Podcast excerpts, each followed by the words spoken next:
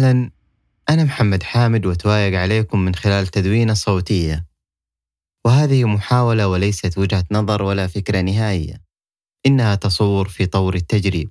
هذه الحلقة بعنوان الخطة أو الروتين. تستهويني فكرة وجود خطة. تحديد المعطيات وتوقع النتائج.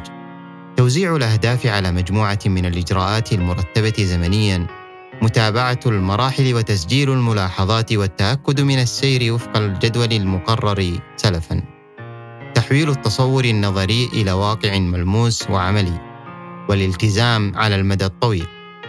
وبالفعل جربت ذلك أكثر من مرة، وكنت قريبا من أشخاص يعيشون وفق فكرة التخطيط ويحققون توافقا بين المأمول وما يحصل في النهاية.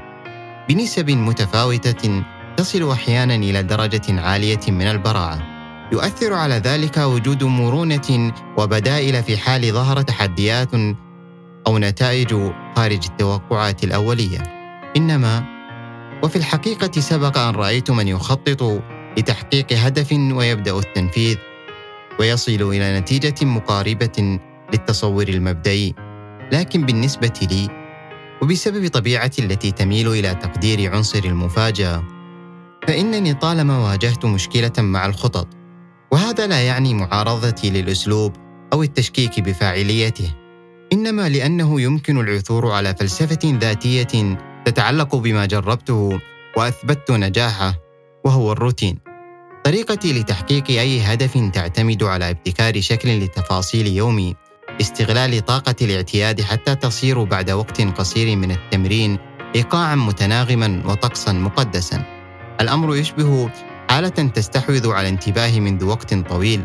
إنه التأثير المتتابع لانهمار قطرة ماء من صنبور فوق صخرة. إلى أن يظهر انحناء صغير بما يصنع مفارقة في ميزان القوة بين الصلب والسائل. وليس من أجل التباهي إنما للإثبات فإنه خلال تجاربي مثلا في الكتابة وما انعكست عليه من إصدارات أو تدوينات أو مقالات أو نصوص أو مشاريع فإنه ساعدني تحويل الكتابة من هواية في وقت الفراغ إلى ممارسة يومية. إجمالاً، ساعدني الروتين على الاستفادة من أوقات كان يمكن أن تهدر لولا أن شكلاً يومياً فرض النمط الذي حرضني، وما زال يحرضني على تأدية مهام خاصة. الروتين خطة طويلة المدى، استراتيجية فعالة لتحقيق شيء ما أو الحصول على اكتشافات لم تكن متخيلة أو منتظرة. الروتين يكتسب حيويته من أربعة عناصر. الاعتياد والألفة استجابة المحيطين بنا وتقديرهم لوقتنا الخاص. تقليل فرص الانغماس في خطط الآخرين. الشعور بالاكتفاء والتلذذ بتجريب الخروج المؤقت للعالم من حين إلى آخر. المهم في الروتين أن يظل محميا بأدوات التجديد داخله. أن يكون طبيعيا الإحساس بالملل أحيانا ولكن التأكد أنه عابر. وبداية بالضرورة اعتماد وجود مكان وتوقيت. والسماح لبقية الأشياء والعمل والمسؤوليات الأخرى أن تتحكم في بقية اليوم. تقريبا إن 20% من الروتين الخاص تصنع 80% من مساحة التواجد في أماكن أخرى.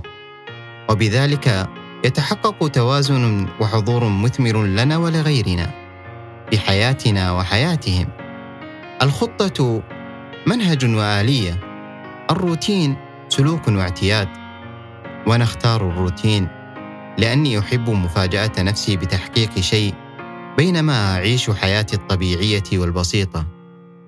وهذه طريقتي الخصبه وما أعده شخصيتي ومساحتي الخاصة. هذا محمد حامد وهذا بودكاست اتوايق كونوا طيبين.